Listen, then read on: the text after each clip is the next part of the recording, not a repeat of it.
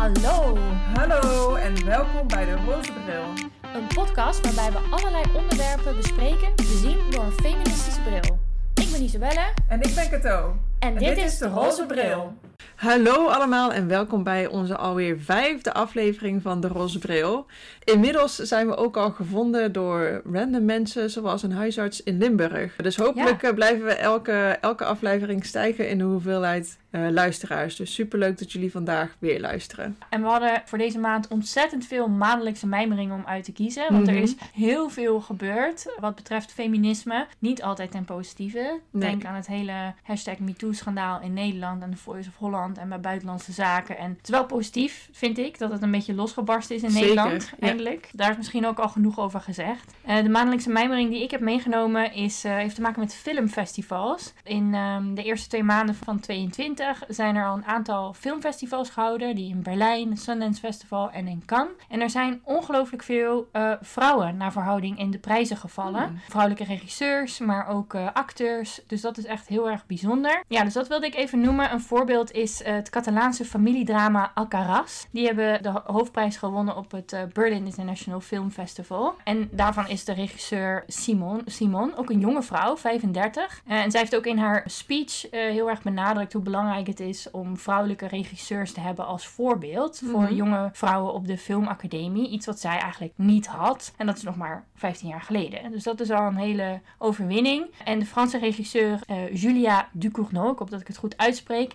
won in Cannes ook een, een hoofdprijs. En Audrey Diwan kreeg in Venetië erkenning voor de film The Event. En in al mijn research over films eh, kwam ik ook nog een hele toffe documentaire tegen bij eh, Sundance. Die heet The Janes en gaat over een groep vrouwen die in de jaren 70 hebben gestrijd voor eh, seksuele of, reproduction rights en recht op abortus. Het is echt een hele krachtige en toffe film, documentaire. Dus als je nog een filmtip zoekt, kijk The Janes. Leuk. Nou, voor mijn maandelijkse mijmeringen. Vorige keer had ik het over mijn golfavonturen. Nou, die zijn eh, flink uitgebreid. Want eh, inmiddels eh, mogen we al best wel veel natuurlijk naar het werk gaan.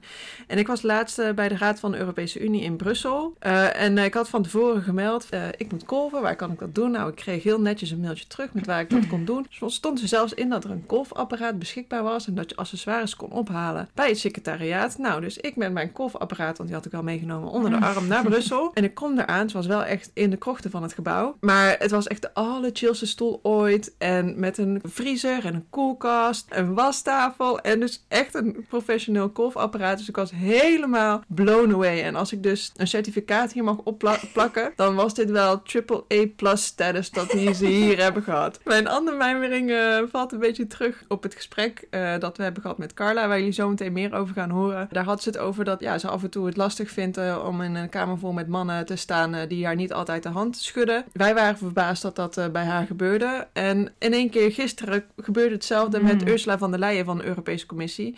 Die was eh, op voor een Afrikaanse top. Kwam zij buitenlandse minister van Oeganda, Odongo, tegen. En die, die schudt vrolijk de hand van Michel en van Macron. En vergeet daar plotseling toch wel van der Leyen ook een handje te geven. En precies hetzelfde is Mm. gebeurd tussen Michel, Ursula van der Leyen en Erdogan. En die domme Michel, die heeft gewoon twee keer helemaal niks gezegd. En zich daar wel twee keer voor verontschuldigd. Dus dan denk ik, do better. Het is wel een gênant filmpje. Misschien kunnen we dat ook eh, linken in de, de show notes. Want het is wel echt pijnlijk om te zien. We hebben ook nog de feminist van de maand. En daar waren heel veel mensen om deze maand uit te kiezen. Maar ik ga voor Mariette Hamer, voorzitter van de SER.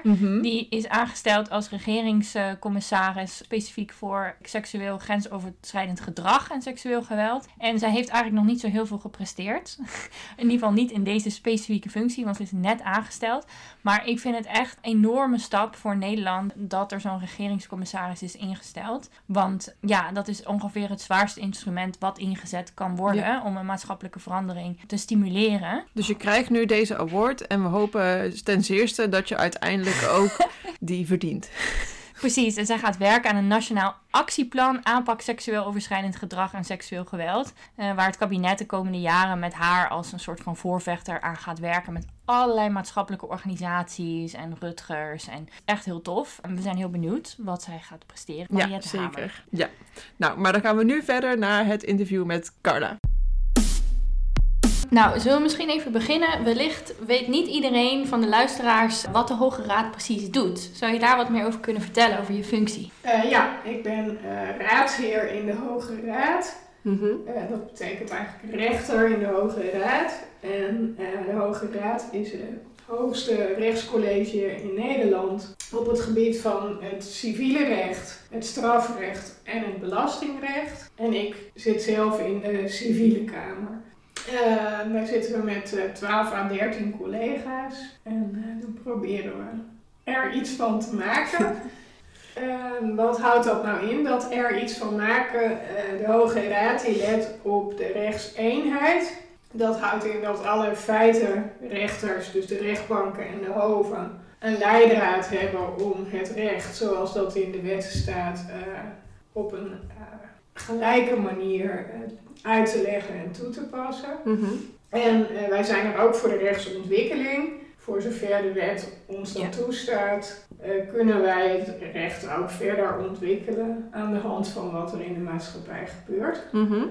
uh, en dan zijn we er tenslotte ook, en meestal is het een combinatie van alle drie tegelijk, ook voor de rechtsbescherming. En dat betekent dat als burgers echt door een van de eerdere rechters eigenlijk niet uh, op de juiste manier berecht zijn. Uh, dat we Mhm. dan op grond van die concrete situatie kunnen zeggen dat moet opnieuw. Ja, En ik vind het al meteen interessant dat je bijna aan het begin startte je met, ik weet niet precies meer hoe het heet, maar Hoge Raadsheer. Eh, ja, ik ben raadsheer in de Hoge Raad inderdaad. Ja. Wij, wij heten zo. Mhm. En dat geldt dus zowel voor eh, de vrouwelijke collega's als voor de mannelijke collega's. Ja.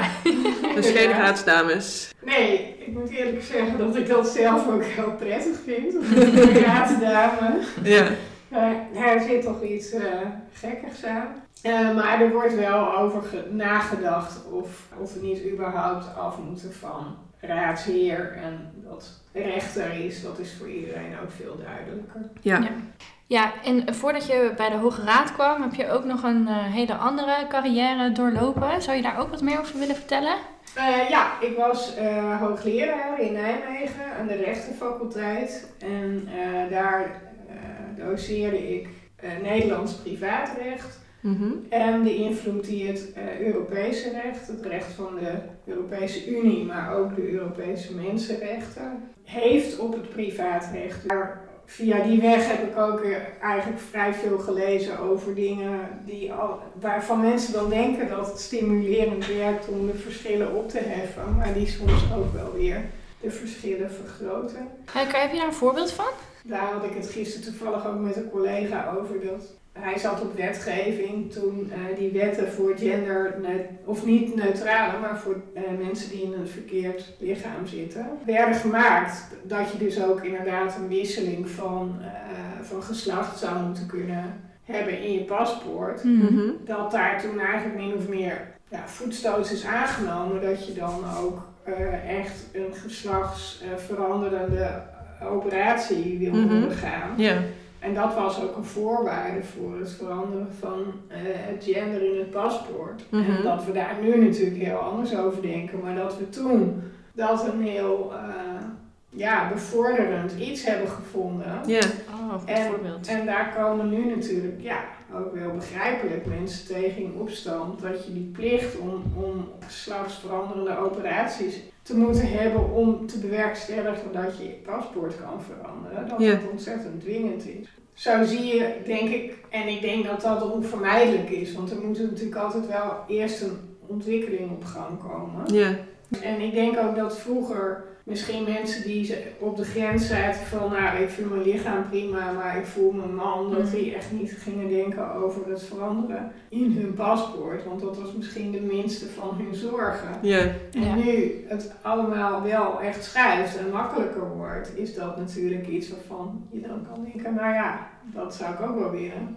De normen en waarden en cultuur verandert constant. En eigenlijk willen we met z'n allen dat de rechten Eh, en eh, ja, dat dat allemaal mee verandert. Ja. Maar ja, dat is, dat is lijkt me niet zo heel erg voor de hand liggend, toch?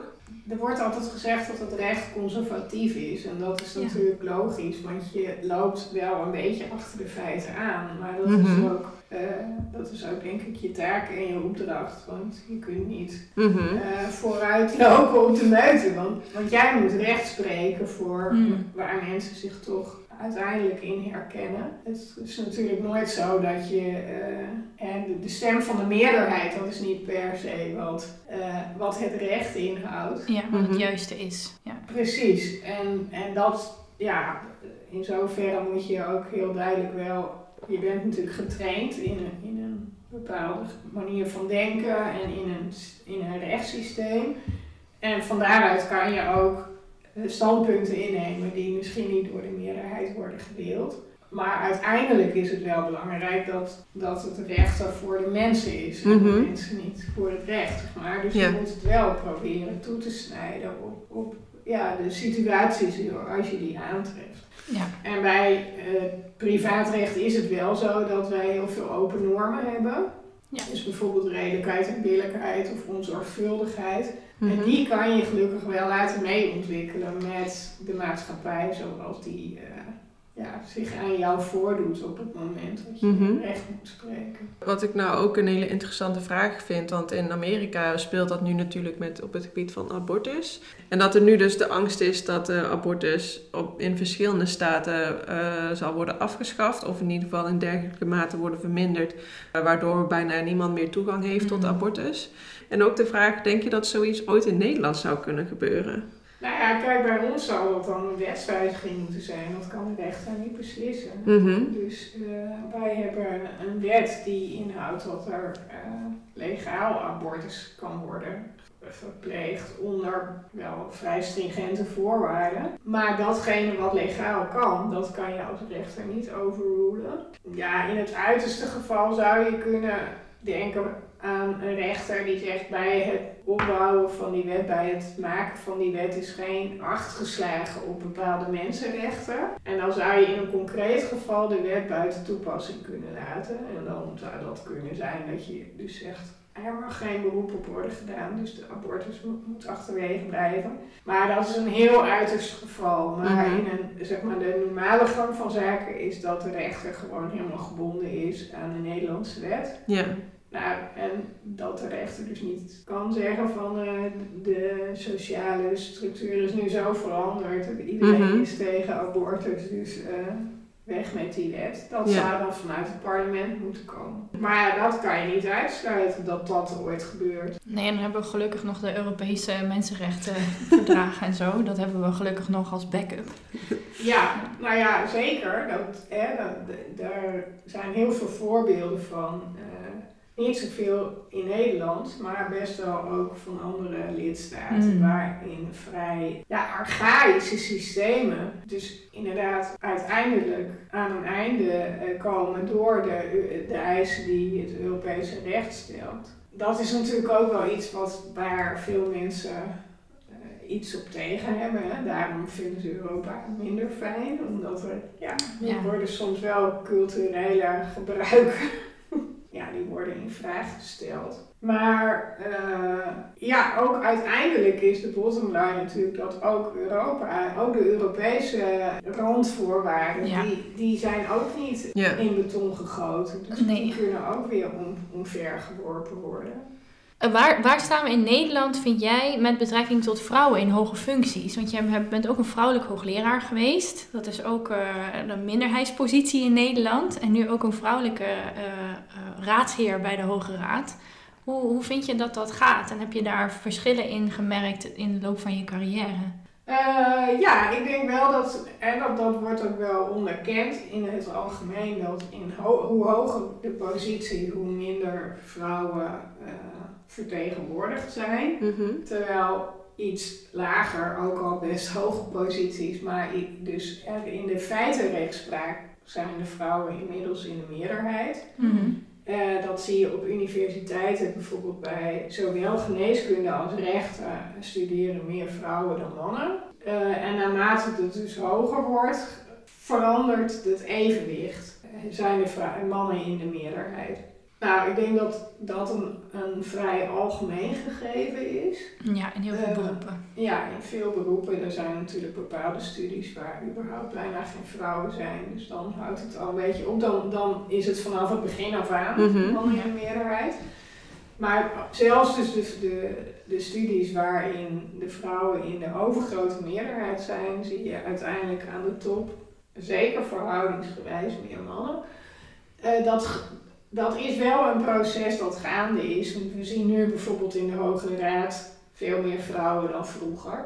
Maar bijvoorbeeld verder nog geen, geen enkele andere type minderheid. Om, ik, Mhm. ik noem maar even vrouwen Ja. nu dan een minderheid.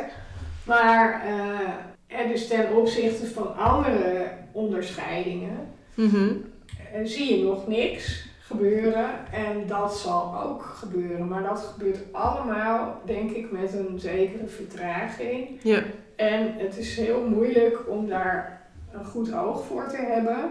Omdat degene die er zitten, ja, je denkt toch altijd een beetje aan jezelf. Dat wordt ook gezegd hè, van waarom kiezen mannen mannen? Ja, omdat ze altijd denken aan hun eigen positie. Niet zozeer om hun positie te handhaven, maar je ziet jezelf je werk doen en dan denk je bijna automatisch aan eenzelfde figuur Mm. Mhm. voor dat werk. Het is ook wel een beetje geld voor mannen en vrouwen die toch allemaal met een Nederlandse achtergrond. Die denken ook weer aan, als ze denken aan anderen, denken ze toch aan de mensen die iets meer op hen lijken, bijvoorbeeld. En het is moeilijk om je daar helemaal van vrij te maken. Eh, ik vind wel, om even terug naar het onderwerp van jullie podcast, eh het man-vrouw verschil, eh, dat wisselt wel heel erg per discipline. Ik vond het in de wetenschap minder aanwezig. Hmm. Het is daar ook, maar minder voelbaar dan in de rechterlijke macht. En ik heb er best veel over nagedacht. En ik denk dat in de wetenschap in het algemeen toch meer vertrouwdheid is met dat mensen echt heel erg verschillend kunnen zijn. En eh, in de rechterlijke macht is dat, wordt dat natuurlijk wel, eh, mensen beseffen dat. Maar van collega's is dat toch nog iets minder, is, is mijn indruk. Mhm. Ehm, ja, dat, dat maakt het ook, maakt het verschil man-vrouw groter. En welke verschillen zijn er dan bijvoorbeeld? Eh, nou, ik kan alleen maar voor mezelf spreken. Tuurlijk. Ik weet het dus eigenlijk ook alleen maar van het werken bij de Hoge Raad. Want ik heb nooit gewerkt eh, bij een rechtbank of een hof. In zoverre dat ik daar wel als plaatsvervanger heb gewerkt, maar Mhm. nooit als vaste Mhm. baan. En ik vind in mijn huidige functie, ja, er wordt meer dan bij de universiteit. Of ik had daar minder het gevoel dat, dat er überhaupt werd gekeken naar wie er wat zei. Dus Mhm. je zei iets en daar werd op ingegaan. Het gevoel nu is toch dat er meer eh, wordt gekeken van, oh, een man zegt iets, dat is heel oorspronkelijk en origineel. En een vrouw zegt iets en dan, huh, wat is dit?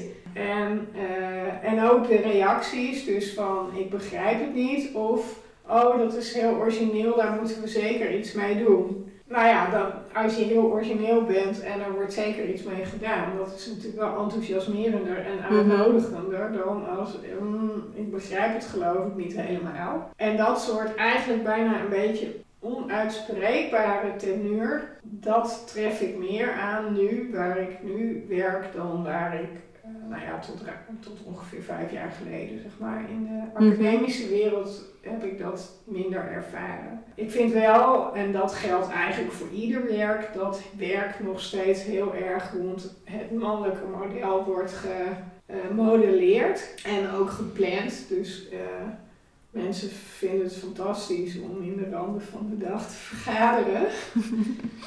en eh, en bijvoorbeeld in het weekend congressen te organiseren. Ja. En dat, dat is allemaal bevorderend voor meer makkelijk voor mannen toegankelijk dan voor vrouwen toegankelijk. Eh, En waarom, waarom is dat? Even. ja, ik, ik snap dat die vraag. Omdat Mhm. mannen toch gemakkelijker hun, hun werk voor laten gaan. En eh, een vrouw gemakkelijker of eerder zal zeggen, nou vanaf vijf uur eh, moet ik mijn kind halen en, Mhm. en ben ik er voor mijn gezin. En je hoort dat mannen eigenlijk niet zeggen. En je merkt dus ook dat in de hele dynamiek wordt er gezegd, ja vergaderen, nou ja, pff, ja, dat moeten we dan maar even, s ochtends vroeg of s avonds laat doen. Mhm. Ja. Want dan kunnen we overdag lekker werken. En er gebeuren tijdens dit soort bijeenkomsten natuurlijk wel dingen die belangrijk zijn voor een carrièreperspectief. Mhm. Als het nergens over zou gaan, dan zou het op zich alleen maar fijn zijn als je er niet bij hoeft te zijn. Ja. Maar dat is niet zo. Dat vind ik wel iets, daar is heel weinig, ook weer heel weinig aandacht voor. En de reden is Mhm. denk ik ook omdat je dan weer vanuit jezelf redeneren Ja. Ja. denken ze van nou dat is fijn en ze vinden het ook best stoer. Ja, mijn indruk is dat het voor vrouwen fijner is om al die dingen overdag te doen en dan kunnen ze Ja. naar hun kinderen en dan gaan ze s'avonds weer aan het werk. Mhm. En dat is misschien ook zwaar, de, eh, eh, het is gewoon zwaar. Het is dan wel uitvoerbaar en je bent er dan ook wel bij. En wat belangrijker is, ik praat nu voor mezelf, dat er überhaupt een vraag over wordt gesteld in een organisatie. Dat daarop Hmm. wordt gelet. En dat zie ik eigenlijk ook nergens. Eh, meer zo van, goh, is er iemand die er iets aan wil doen? Mhm. Ja. Nou, dan is dat fijn. Maar als je daar alleen in staat, ja, dan heb je gewoon geen gelijk, zeg maar. Terwijl dat is, vind ik, heel onjuist. Want het is gewoon wetenschappelijk aantoonbaar dat al dit soort dingen Mhm. een rol speelt. Ook bijvoorbeeld de autoriteit die een vrouw wordt toegekend door anderen en door zichzelf. En dat is historisch zo gegroeid. Dus daar kan je ook mensen niet eh, de schuld van geven of zo. Maar Mhm. dat, er is in organisaties wordt eigenlijk geen beleid opgevoerd. Nee. En op het moment dat iemand zegt van nou, ik vind, ik zie dat, ja, eh, jij misschien wel en misschien is het ook wel waar, maar de rest heeft er geen last van. Maar wordt er helemaal eh, geen beleid opgevoerd in de Hoge Raad? Want ik weet nog wel, eh, bij het ministerie is er wel inclusiviteit. Dat wordt gezien als iets belangrijks. Nu kan je je vragen stellen bij in hoeverre ze daar succesvol eh, beleid op voeren en dat tenslotte ook nog succesvol uitvoeren. Eh, maar is er niemand bij de Hoge Raad die zich daarmee bezighoudt? Nou ja, dat is zeker een onderdeel van het beleid. Ja. Hè? En er wordt ook altijd eh, gezegd, ja, eh, we zijn op zoek naar vrouwen, want we willen een evenwichtige samenstelling. Mhm. Eh, maar dan zie je dus ook weer dat ook bij ons, we zijn raadsheer, maar bij ons zijn natuurlijk ook nog weer binnen zo'n groep mensen die iets meer verantwoordelijkheid hebben. En dat, dat gaat toch automatisch bijna makkelijker naar mannen. Eh, en in hoeverre daar dan echt beleid op is, kijk, je kan wel zeggen van vrouwen eh, worden uitgenodigd of geenthousiasmeerd of we vinden dat heel belangrijk. Ja. Maar beleid betekent dat je ook tegen een groep zegt, ja, jullie als groep vinden dit misschien niet zo heel erg belangrijk. Mhm. Maar het is voor onze organisatie wel heel belangrijk. Ja. Ja. En dat is iets wat ik, ik weet eigenlijk niet, dat is, dat is helemaal niet uniek voor waar ik nu zit. Maar dat heb ik eigenlijk nergens echt gezien. Ja, soms heb je iemand inderdaad die zegt van, nou ja, eh, we moeten daar gewoon echt actief in opereren. En dan moet je ook dus door bepaalde barrières heen breken. Eh, dat ervaar ik nu niet, dat dat zo is. Ja, het doet me ook denken aan eh, een paar weken terug was er een beetje een satirisch stuk in NRC over vrouwenrechten.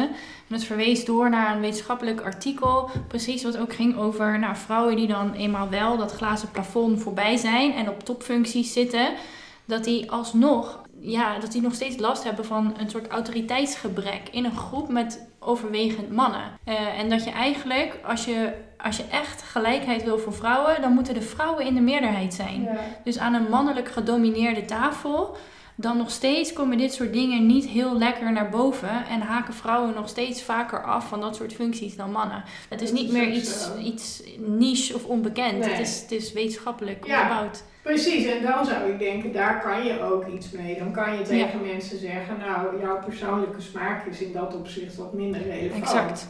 Ja. En, en dat gebeurt niet. Althans, naar mijn smaak veel te weinig. Ik heb, eh, ik heb bij de of ik zit bij de KNW, de Koninklijke Nederlandse Academie voor Wetenschappen. Ik had dus een keer een vergadering waar eigenlijk voornamelijk eh, mannen waren en ik ook, maar wel allemaal in, in dezelfde hoedanigheid. Mhm. Een eh, groep wetenschappers. En eh, die eh, kerels die kwamen dus allemaal binnen en eh, die gingen uitgebreid elkaars handen schudden en elkaar op de schouders kloppen. Het was voor corona. en hey Piet en hey Klaas. En toen zagen ze mij en toen zwaaiden ze zo van een afstandje, hey Carla. Oh ja. Maar ja, dan sta je dus gewoon direct totaal Ja. ja, buiten spel. Weet je, ik vind dan geef dan de vrouw ook een hand. Eh, en maak gewoon je rondje professioneel af. En dat zijn van die hele kleine voorbeelden waaruit je dan inderdaad heb je dus dat niveau bereikt. Maar je, je bent in zo'n groep toch nog een soort van eh, vreemde vogel. Natuurlijk een heel vervelend situatie, Ja. maar het is echt zo. Ik kan het me helemaal voorstellen hoe het. Ja. ja, het is even dat je denkt, mwah. Eh, ik doe dan wel, dan ga ik zelf staan en dan maak ik wel dat rondje met die hand. Want Mhm. dan denk ik, nou, dan zit ik toch weer in de groep. Ja, ja. En ja, je merkt ook dat zo'n hele dynamiek toch ook een beetje geeft. Nou, en dan ga je over het serieuze onderwerp waarvoor Mhm. je bent gekomen spreken. En dan ha- hangt er ook nog iemand bij, weet je. Ja, het- Ja. zo werkt het toch. Vrouwen zijn zich denk ik ook niet bewust dat als ze niks zeggen, dat dat niet handig is. Want ze denken gewoon, ik heb nu even niks te melden. Mhm. Ik heb niks toe te voegen. En mannen voegen altijd iets toe.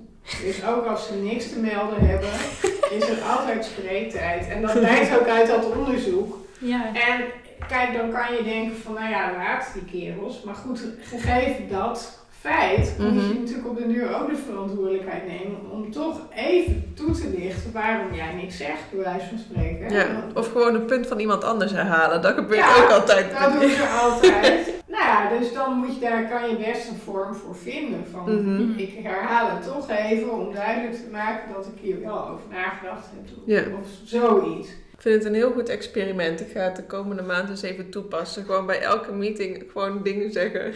Ja, Ook al slaat het nergens op. Ja. nou ja, ik, eh, ik heb een mannelijke collega, en nu niet in mijn huidige werk, maar vroeger.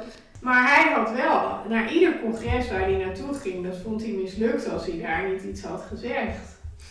Weet je, ja, ik ben er, dus ik zeg ook iets. Ja, als je zo in elkaar zit, en nou ja, dat, dat heb ik helemaal niet. Ik vind het ook niet erg als ik ergens ben geweest en niks heb gezegd. En ja, je moet natuurlijk altijd een vorm vinden die goed bij je past. Mhm. Maar, Ja, dus eigenlijk is het die, dat je je moet conformeren aan de mannelijke standaard. Dat is soms ook een beetje onvermijdelijk om zichtbaar te zijn. ja, nou ja, weet je, dat conformeren, daar heb ik eigenlijk best een hekel aan. Überhaupt, of het nou aan mannen is of aan vrouwen. Want vrouwen willen ook hoor, dat je conformeert. Mhm. Ehm, maar ik zit dit nu eigenlijk ook tijdens dit gesprek te verzinnen. En het is ook zo, je moet ook niet doordat een ander iets doet, je eigen inventiviteit af laten nemen. En dat, je kan dus best denken van, nou, ik zeg, ik zeg gewoon lekker ook iets. Weet je, Ja. dus iets, eh, iets luchtiger. Misschien. Ik weet het niet precies. Dat zou voor mij in ieder geval gelden. Want ik denk dan altijd heel serieus. Oh, ik heb niks te melden, dus ik hou mijn mond. Mhm. Maar je kunt ook denken, nou, eigenlijk best geinig. Ja. Hij heeft iets te zeggen, toch? Dat is er mis mee. Dus dat, dat, dat meer. Maar Ja. ik, ik zou niet zo erg voor pleiten om te conformeren. Heel goed. Maar wel om, eh, om ook een podium te pakken.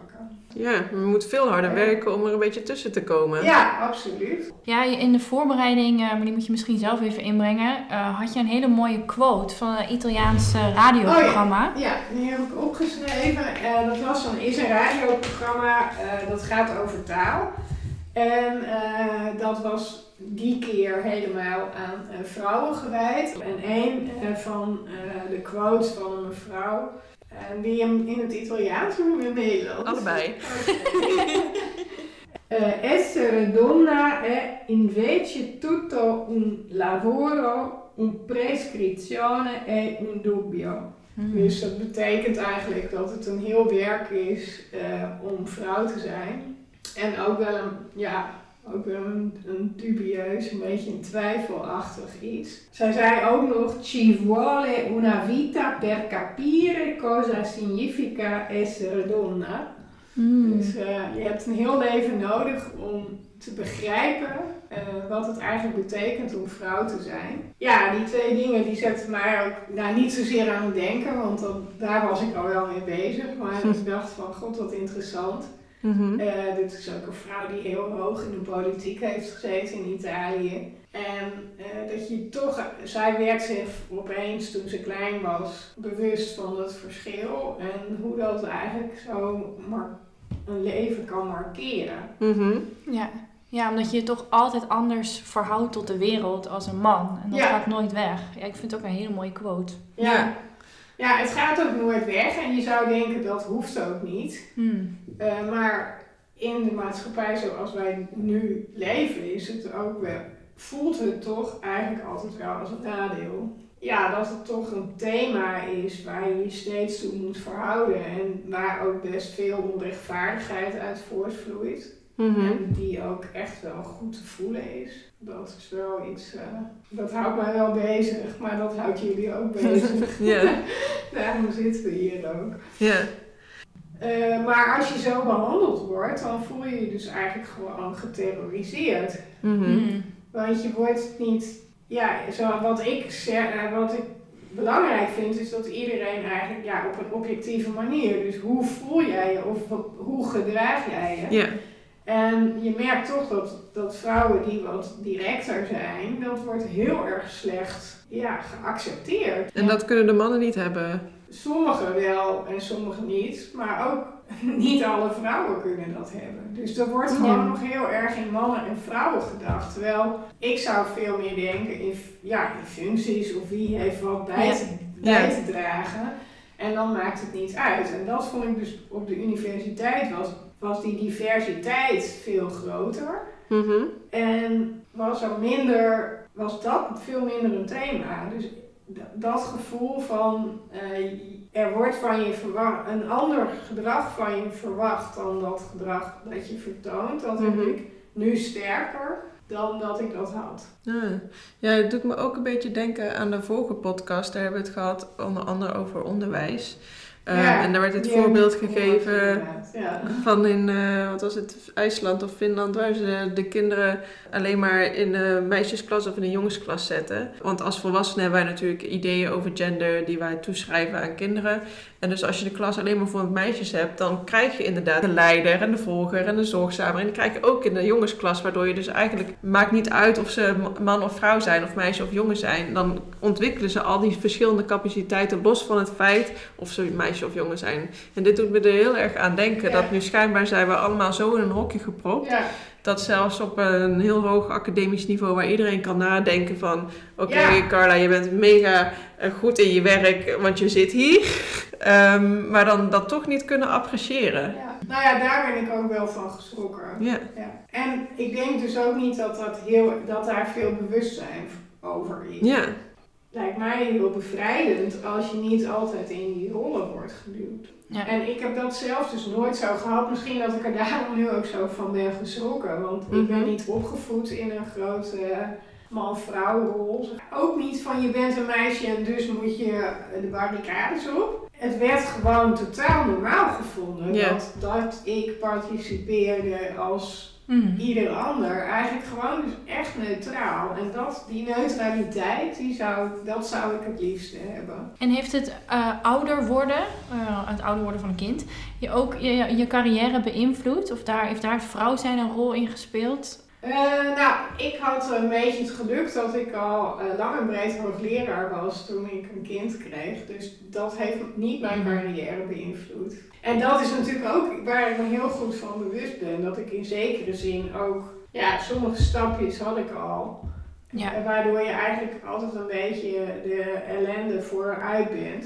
Ja, dus de- ik zie ook dat, dat voor mij, ik kon daardoor bijvoorbeeld wel in de randen van de dag meedoen en Mhm. weekendjes weg enzovoort. En op den duur natuurlijk niet meer, maar toen was het ook net wel iets minder belangrijk. Ja. Eh, ja, Ja, precies. eh, maar dat neemt niet weg dat ik niet voor een ander kan zien dat het wel een probleem is. Mhm. En dat vind ik soms bij vrouwen die succesvol zijn ook wel missen. Want ze zijn denk ik dan ook best trots op het feit dat ze succesvol zijn. Mhm. En dan willen ze eigenlijk niet meer zich verhouden tot het feit dat dat ook eh, Mhm. anders kan lopen. En dat het niet voor iedereen zo voor de hand ligt. Dat er best ook vrouwen zijn met dezelfde capaciteiten waar het net iets minder gunstig uitvalt. En dat je daar wel je voor in moet zetten. Dat het niet zo is dat omdat het jou niet is gebeurd, het er niet is. Ja. Ja, daar ben ik het helemaal mee eens. Want dat is een beetje dat argument van ja, als je maar kansengelijkheid creëert, dan komt iedereen er wel. Maar ja, dan ontken je ook dat er,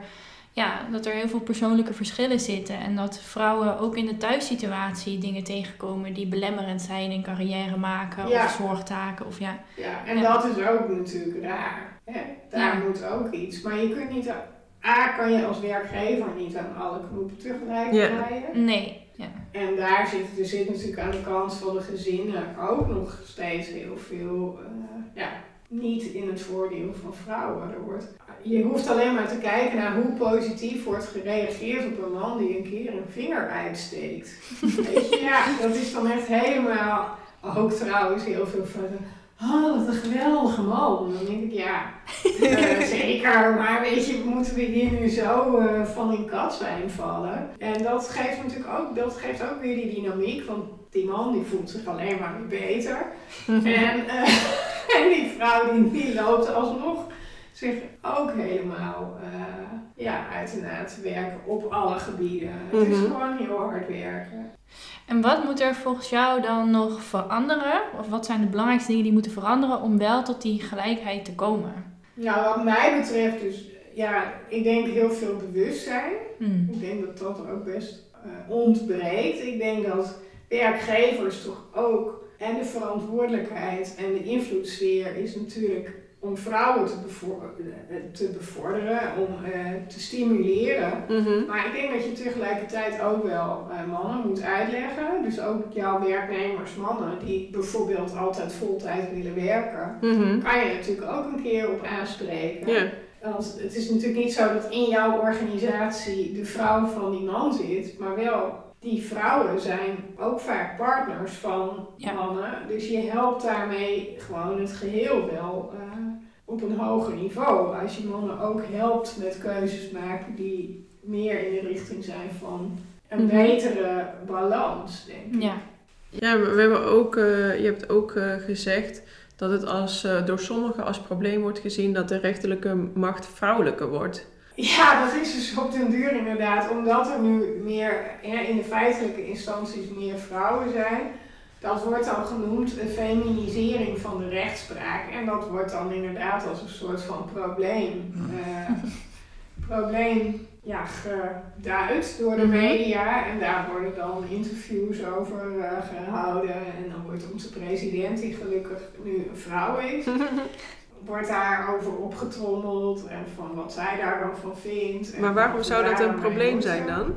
Ja, veel beroepen die feminiseren, daarvan neemt de autoriteit dus af. dus dat is weer datzelfde thema. De, eh, vrouwen hebben we, ja, zeg maar, vanuit de hele maatschappij. Het is dus Mhm. natuurlijk ook een, gewoon een probleem van onze hele maatschappij Ja. eh, krijgen minder autoriteit toegekend. Als een vak dan vrouwelijker wordt, dan wordt het minder aantrekkelijk voor mannen. ja, terwijl juist ook bij de rechterlijke macht het begrip autoriteit zo Ja. belangrijk is. Ja. ja, vind ik wel bizar, want we hebben het daar de vorige keer ook over gehad, dat dat bij leraren natuurlijk net zo is gegaan. Ja. Vroeger was dat een beroep met heel veel aanzien. Het is een heel ander beroep geworden, maar dat is natuurlijk Ja. ook wel een beetje verontrustend als wij zo kijken naar carrièrevrouwen, of in ieder geval naar beroepen. Ik ken hier hele mooie huizen iets verderop. Mhm. En dat, die werden voor de eh, onderwijzers van de lagere school zijn die gebouwd. Wow. En wat er nu in woont, ja, dat zijn eh, echt mensen uit het grote bedrijfsleven. Want er is geen onderwijzer meer die dat kan bekostigen. En daaraan zie je dus ook heel fysiek Ja. eh, wat er gebeurt in de maatschappij. En ik weet van veel collega's, dus hoogleraren, dat die niet in hun eigen stad kunnen wonen met hun gezin. Eh, en daaraan zie je ook dat nou, hoogleraar was vroeger ook wel Ja. echt een beroep. En hoe al die dingen eigenlijk ja, minder aanzien, in minder aanzien zijn komen te staan. En dat een beetje met de rechterlijke macht geldt dat dus ook wel. Ja. Verontrustend wel. Misschien wel een goede afsluiter. Of hebben we nog vragen? Leuk. Oh, eh, deze ene vond ik nog wel, deze laatste puntje vind ik nog wel mooi. Nou, we zitten nu in de hoeveelste feministische golf. Ik weet niet eens of we het van feministische golf mogen noemen. Het is gewoon meer een, een kabbeltje. Ja, ja. Want eh, ook bijvoorbeeld om me heen hoorde ik van ook, Joke, waarom doe je een podcast over feminisme? We zijn er toch al lang, we hebben toch gewoon al die gelijkheid. Ga je even zorgen maken over andere dingen. Dat vond ik, dat elke keer als het mij wordt gezegd, dan, ja, dan wil je zeggen, ja, we hebben het super zwaar. En dat is natuurlijk niet geheel waar, want ja, je wil je niet jezelf ehm, hoe dat, ehm, vergelijken met eh, vrouwen die 100 jaar geleden leefden. Maar natuurlijk zie je wel op heel veel plekken, eh, de voorbeelden die jij noemt, eh, dat er gewoon nog zo'n ja, zo'n soort, van, een soort van laag over de vrouwen heen wordt gelegd. Ehm, en bijna zoiets van, nou, jullie hebben het nou allemaal wel, nu is het wel genoeg. Nu willen we eigenlijk dat jij niet meer gaat klagen, want we hebben het wel ongeveer bereikt. Verwoordde jij als een soort van een zweem van gelijkheid. Van, ja, het is Ja. klaar. Dat is wel iets en dat ja, eigenlijk ook wel voor een deel beledigend vindt eigenlijk. Hè? Want je wordt Mhm. inderdaad behandeld zo van, nou, wat, wat zit je te mieren? Mhm. Ja, er zijn wel grotere maatschappelijke problemen. Mhm. Ja. Eh, dat. En ook vanuit, vanuit die gedachte, eh, eh, er, er is gelijkheid, die zweem, heb je dus ook een achterstand weer. Want het vooropstellen van die gelijkheid maakt dat als jij zegt van nou, die zie ik niet helemaal, dan ben jij dus degene die een probleem heeft. Zit je in die positie. Ja, Eh, dat je nog eerst mensen moet gaan overtuigen van dat er een probleem Ja. is, voordat je het over de oplossingen kan gaan Precies. hebben. En zij hebben geen zin in jouw probleem. Ja. Zij hebben dat probleem niet. Dus je gaat het nooit redden. Ja. Ja. Ja. dus je bent eigenlijk gewoon een beetje moeilijk aan het doen. Ja, en dat heeft dus een heel onderdrukkend effect. Tenminste, zo voel ik dat. Ja. Dan voel je echt een soort van, ja, echt eigenlijk letterlijk onderdrukt. En daarom vind ik die zweem ook wel, dat is inderdaad wel een goede, goede beeldspraak. Omdat je inderdaad al onder een soort van eh, oppervlakte wordt gehouden. Ja. Ja, voor mijn gevoel is dat dus ook wel, als je daaruit wil, dan is dat onder de voorwaarden van de anderen. En niet Mm, eh, mm. Oh, ja. onder je eigen voorwaarden. Dat is eigenlijk ook waar ik misschien zo net aan raakte, van dat neemt heel veel oorspronkelijkheid weg. Dus dan wordt alles heel serieus en Mhm. drukkend, terwijl als je gewoon je, in je eigen, ja, op je eigen waarde wordt geschrapt, Ja, je voelt je gewoon wat meer thuis aan Ja. de tafel, Ja. waar je gewoon onderdeel van bent. Je bent welkom eigenlijk. Ja, precies. Ja, zo is het. Ja, en nu moet je wel echt iets zinnigs zeggen. Wil je het recht hebben om aan die tafel te zitten? Ja, en zelfs dat helpt niet. zeg iets zinnigs en dan wordt er niet geluisterd. En Ja. daarom is het belangrijk dat vrouwen soms ook gewoon een hele eigen tafel creëren, waar we gewoon lekker met z'n allen aan gaan zitten zonder mannen. Dat is waar. En aan de tafel van de mannen ook gewoon een beetje lullen.